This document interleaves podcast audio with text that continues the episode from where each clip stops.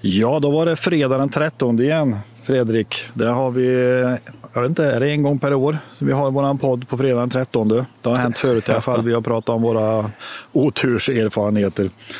Ja, det får väl se. Vi ska väl inte jinxa, men vi har ju inte varit så där superstitious heller direkt va? Nej, det har vi inte varit.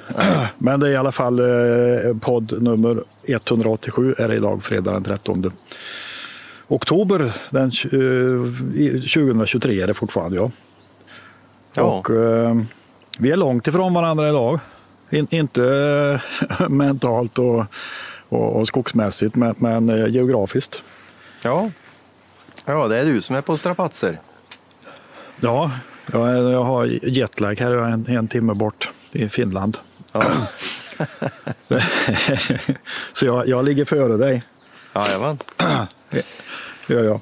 Men, eh, nej, men jag har åkt runt här. Jag har haft en hel turnévecka. Jag, nu är jag på väg tillbaka ner till, ner till Helsingfors. Jag ska flyga hem till Stockholm. Och ta mig, eller till Stockholm och flyga och ta mig vidare till Jönköping. Jag menar fredag 13, vad kan gå fel? Ja, ja. ja men det blir väl en eh, spännande utmaning. Ja, nej, ja, det blir det. Nej, men jag har varit runt och träffat rätt mycket företag här för det finns ju många många intressanta tillverkare av maskiner och utrustning här i Finland. Sverige och Finland Ja. är ganska likt på det viset att vi är ju båda länderna är väldigt framstående när det gäller teknik för skogsbruk. Ja, visst. Kan man väl säga utan att överdriva. Ja, ja. Nej, men pratar vi CTL och sånt där, då, då är ju Sverige och Finland störst va? Ja, det är ju total, eh, totalt världsherravälde skulle jag säga i stort Ja. sett. Världsdominans. På, på, eh, pratar vi hjulburna maskiner så är det ju om inte hundraprocentigt så 90. Ja. Ja, just det. Ja, Och, och- pra- för er som undrar, jag sa CTL, det är alltså cut to length, eh, kortvirkesmetoden. Kortvirke, alltså ja. skördare, skotare.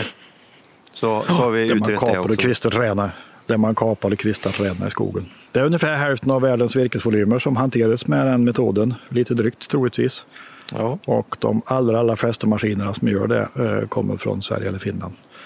Och tittar man på aggregaten som hanterar träden så är det nog ännu större andel som kommer från Sverige och Finland än, än själva maskinerna. ja. Skulle jag tro. Ja, ja, eh, precis. Nej, men det är intressant om man, man åker runt där för man får mycket, mycket information. Eh, Det är många företag har ju kunskap inte bara om, om sina maskiner utan eh, marknaden generellt och man får lite insikt i hur det, hur det funkar här i Finland. Det är ju alltid spännande. Ja. Eh, visst är det så. Nej, och sen, jag tycker det är ganska häftigt. Eh, Vi har ju eh, genom de här åren som vi har kört nu så har vi ju jobbat på oss lite kunskap om olika tekniker och sånt också. Vi, vi såg ju både CTL och vanlig, eller vanlig, men för USA vanlig helträdshantering när vi var i USA. Ja, Vi tittade på båda och det var först då som jag tror att vi förstod att eh, det är inte bara bara att kasta in skördare och skotare i USA. För det finns eh, rätt dåligt med röjsågar. ja, ja nej, det är, det är helt annorlunda. Ja, det är helt annorlunda. Så man, man förstod liksom att de går in med, med, med sitt system där. Eh, Ja. med, med fällare, läggare och eh, du har ju sågtänder som är 8 cm i bredd och sånt där. Eh, som inte bryr sig om röjskog. Det finns ingen kedja som hoppar Nej. och så vidare.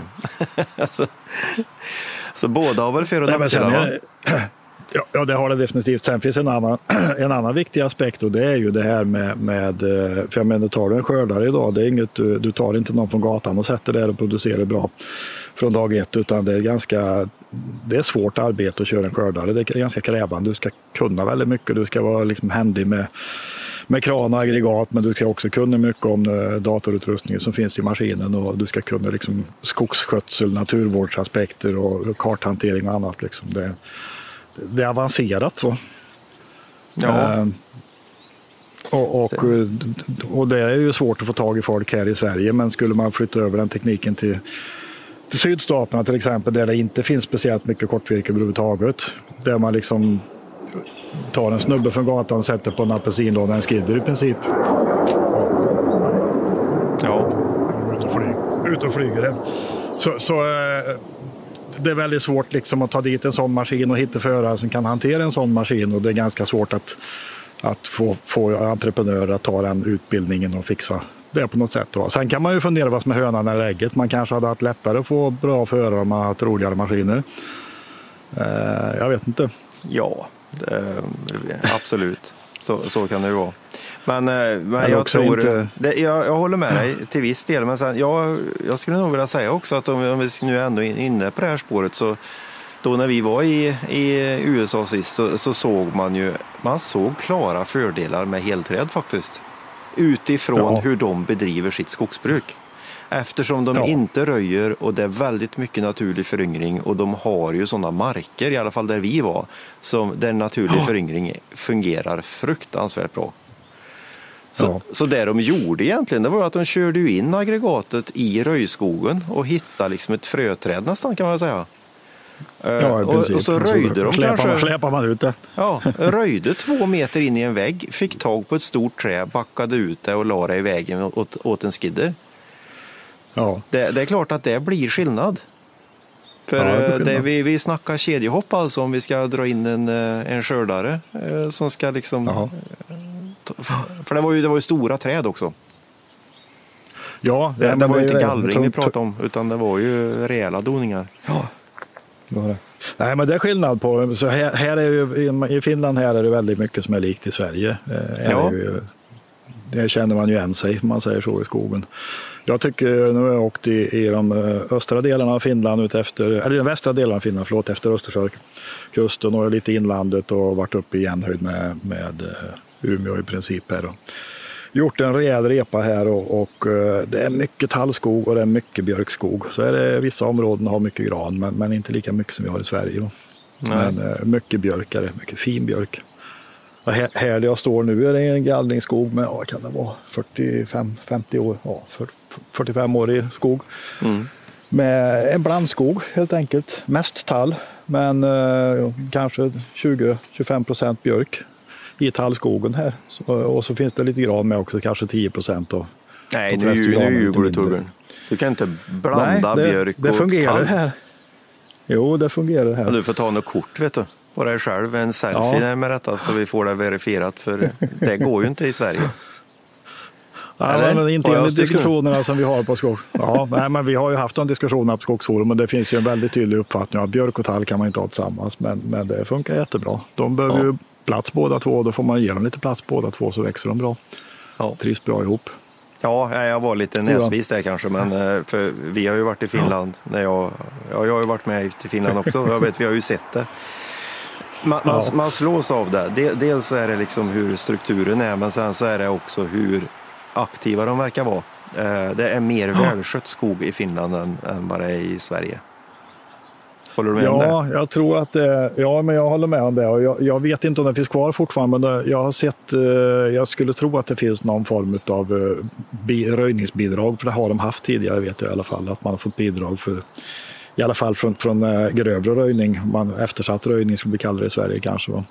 Och man har också fått bidrag om man tagit reda på energived ifrån sån röjning. Om det finns kvar mm. eller inte, det, det, vet jag inte. Men jag har sett mycket klena, alltså välter med klen energived. Björk som är typ 4 centimeter i,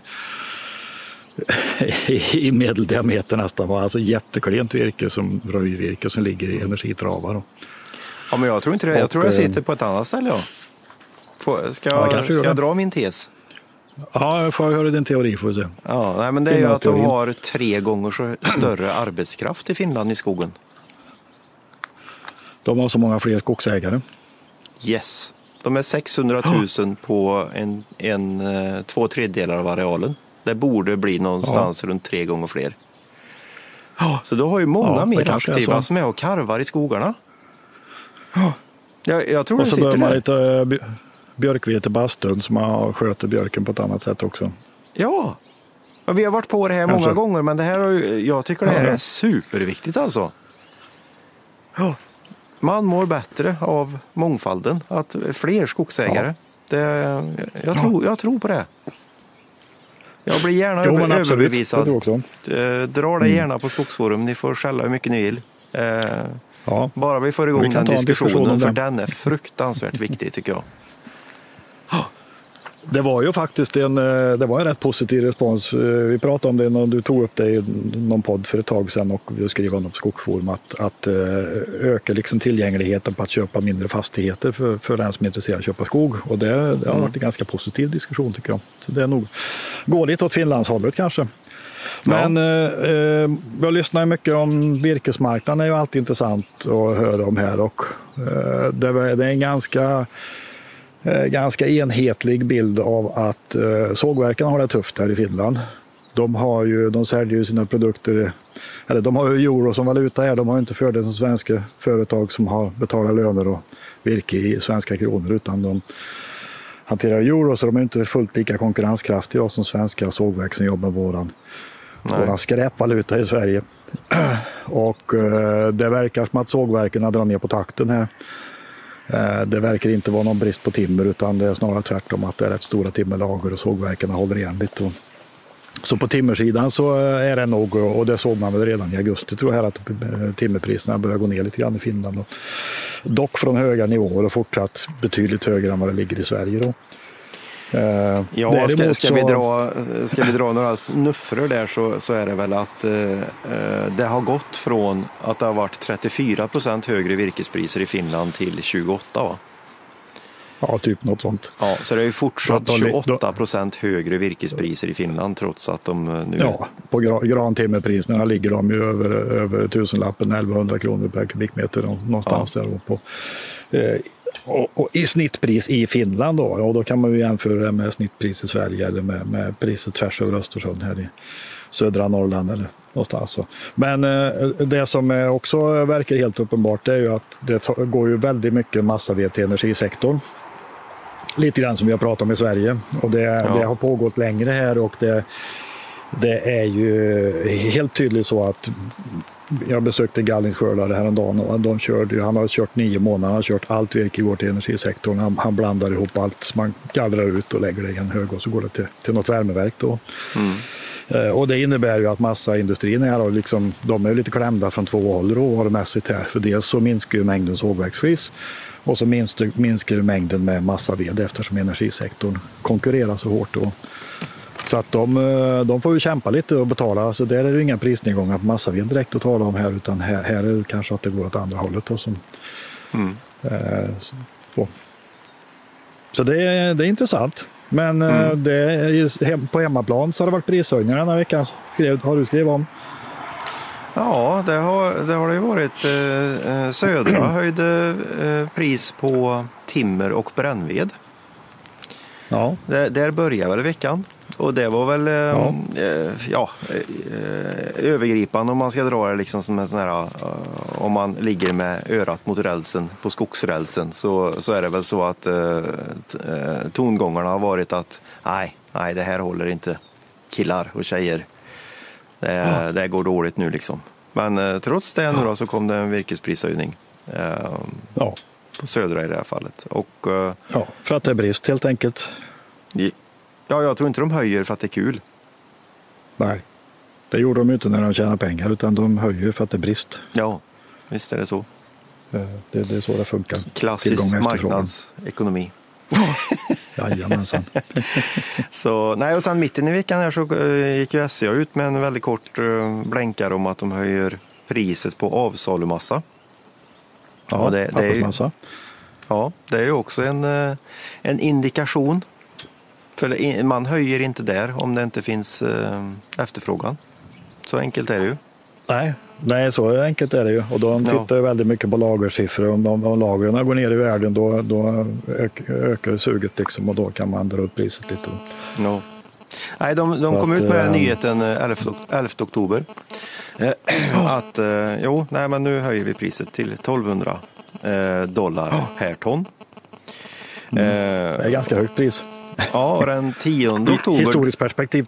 dagen innan, så kom de med sin eh, skogstidning till, eh, till sina kunder och eh, ja, skogsägare. Kundtidningen ja. som heter Din skog och där hade de en marknadskrönika ja. som mycket riktigt visar på att nej, det är inte alls bra. Eh, underförstått och mellan raderna så var det till skogsägarna att eh, ni ska vara fruktansvärt glada att det fortfarande är höga virkespriser för vi tjänar inga pengar på Det finns ett glapp i marknaden nu. Eh, industrin Ja. tjänar inga pengar men virkespriserna är fortsatt höga. Ja. Och så Det gick det en dag så kom det en, eh, en nyhetsblänkare om att de höjer då priset på, på massa. Det känns väl sådär då va? Ja, Kan jag tajmingen tycka. var inte den bästa kanske. Nej, det var väl lite kasttiming. Men eh, lite siffror från, eh, från det här är alltid intressant.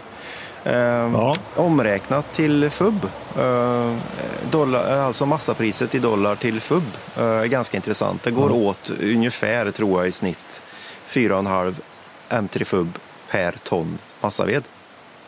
Så Ja. omräknat då, så har de ju ett eh, FUB-pris på 2920 kronor.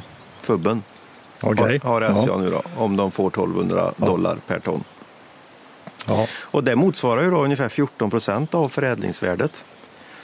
Är Virkes, råvarukostnaden. virke, vir, virke, råvarukostnaden är 14 procent av Ja. förädlingsvärdet. Ja. Och det är nog inte historiskt högt Nej, egentligen, nej. tror jag. Det, det, det är nej, det är det absolut inte. Jag vet, jag kollar på det här. Nej. Nu, nu, nu kan jag få eh, kolla upp detta mer noggrant, men eh, i dåliga tider så har de ju varit uppe på 25 procent. Ja. Eh, Ja, nej, men det finns marginaler, helt klart. Det finns och, och det här förespådde nog eh, börsanalytikerna. Jag tror vi pratade om det för kan vara en månad sedan eller någonting drygt att vi, vi hade väl läst eller sett någonstans att eh, att det verkar som att skogsaktierna börjar på liksom att bli lite mer intressanta och att man förväntar sig prisökningar, att botten var nådd på massa och så vidare. Och då kanske, kanske de kanske har koll. Ja, ja men eh, absolut. Och, och, så ja, ska vi ta det så är det, det där är ju ganska spännande tycker jag. Det är jättekul. Titta på SCAs börskurs. Ja. den, är ju så fruktansvärt lågt värderad. Det är ungefär som om vi skulle, Ja. ta, om vi skulle ta Volvo så skulle de sätta börskursen utifrån vad robotarna och, och inkromet i Torslanda eh, Ja, vad det är värt. Där har du börskursen liksom. så jag, jag vet inte varför har det blivit så kan man undra. Men är, antagligen så skulle jag gissa Ja. att det är totalt osexigt med skogsaktier. Det är liksom så Ja, tråkigt. så är det nog. Det är så Har tråkigt. varit så i alla fall. Va? Det Ja. kan ju hända att det där ändrar sig lite i den här, eh, om det blir tuffare tider och så kanske eh, de här mer tillväxtorienterade bolagen kanske får ett kärvare då. Jag vet inte. Eller också blir det tvärtom. Ja, mm, man vet inte riktigt. Men det, Nej, det, känns inte. som att eh, om, om eh, aktieägarna är på julbord så, så är det liksom att eh, det här torraste knäckebröd liksom. Hur, hur mycket lägger du det på tallriken? Där har du skogsaktierna Okej. ungefär. Ja, ja. ja, det kanske är så. Ja, och jag, jag klankar inte ner på skogsindustrin. Utan det- här är, det här är ju en, en marknadsmekanism som är ganska intressant faktiskt. Ja, den är har- intressant. Ja, den är jätteintressant. För där har du företag som är hårt investerade och som har eh, ganska stora kassaflöden och allting sånt där. Men de anses totalt osexiga alltså. Men det kan ha lite med imagen att göra också. Att man, eh, man har haft problem med att, att liksom bygga sina varumärken eller sin image i, i en modern värld. Utan det Ja. man ägnar sig åt så är att försvara sig emot åsikter och angrepp ifrån eh, alla möjliga håll och kanter. Istället för att ta något slags proaktivt så är, så är man liksom reaktiv och, och sådär. Va? Trots att man, man har mycket argument om att man är lösningen på framtidens miljöproblem och så vidare som borde ju falla i god jord. Men ändå är det inte riktigt. Ja, jo, men Det går inte hem riktigt på börsen. Nej, det gör inte det. Och så har man väl i alla år varit liksom så här, eh, klassens bad guy. Det är liksom, eh, ta bara en sån sak som att typ jaga älg med helikopter som har skett liksom. Jag säger inte att alla gör det. Men eh, typ att det, att, Ganska få troligtvis. Ja, bara att det har skett. Där, där har du liksom eh, Eh, det är big no-no liksom att, föran- att förknippas med det. Liksom. Ja. Nej, men du kan gå tillbaka och se den här granskningen som var på SCA till exempel med eh, de äldre direktörerna som inte är kvar längre och här är varken på SCA eller i livet tror jag. Men, men liksom den, den attityden som fanns där då när, när man liksom försvarar ganska, eh, ja, ganska udda livsstil mot vad folk i gemen kan förhålla sig med. Liksom. Så, så eh, det, det blir ju inget bra. Nej, det blir Så. inte bra. Men, Uh, sen finns det företag som jobbar jättemycket på att verkligen liksom jobba på sin image och försöka vara tidsenliga också så man ska inte dra alla över den kammen. Men det är, ju, det är mycket att göra på den fronten, tyvärr. Ja, ja men så är det väl. Tyvärr. Och, och ja. jag, jag, vet inte, men jag tycker att det, det, lever kvar en hel del, tror jag. Jag säger inte att det är så. Eh, men ta en sån sak när de sparkade Stora Ensos VD Bresky. Ja. Eh, det, det, tycker jag det, det, får du liksom ett kvitto på att, att eh, skogsindustrin kanske lever kvar i den här gamla skolan. Ja. För hon tänkte nog lite för mycket nytt för, för skogen. Ja. ja. Ja, och sen när det blir lite sämre tider är risken också ganska stor att man, man tar ett steg tillbaka. Liksom, släpper kanske lite av det man har haft i, i planeringen och, och, går tillbaka till trygg mark på något sätt. Och, ja. Så man känner det. Ja, nej, men det här är ju... Eh, men jag tror att det finns ju det finns ju vägar framåt och man ser ju liksom att man i kommunikationen ifrån skogsindustrin så framhäver man ju gärna träbyggande, trä, trä massivträ, trähus och så vidare. Liksom. Så, så att det, det förstår man på något sätt att det går hem mer. Det är något som är attraktivt. Alltså folk gillar trä. Trä är ett härligt material. Det är liksom fräscht och det är liksom miljövänligt. Och det, um, så jag tänker man skulle kunna jobba mycket, mycket mer med trädelen i, i industrin och i förädlingen för att kunna jobba på sitt varumärke. Att verkligen på allvar försöka satsa på att utveckla den mer än vad man gör idag. Då. Ja, det tror jag definitivt. det finns mycket, mycket imagepoäng att hämta. Ja, absolut. Men, och sen så kan vi, om vi ska vända på det så kan vi väl säga att eh, eh är de eh, har det varit gammalmodigt att vi, att vi snackar om att det finns en, eh, en tröghet och en eh, ja, eh, gammal syn inom skogsindustrin så finns det ju även motsatt. Det, det skrev vi också ja. lite om i veckan, just det här med, och det är en het fråga tror jag, men vindkraft på skogen. Ja.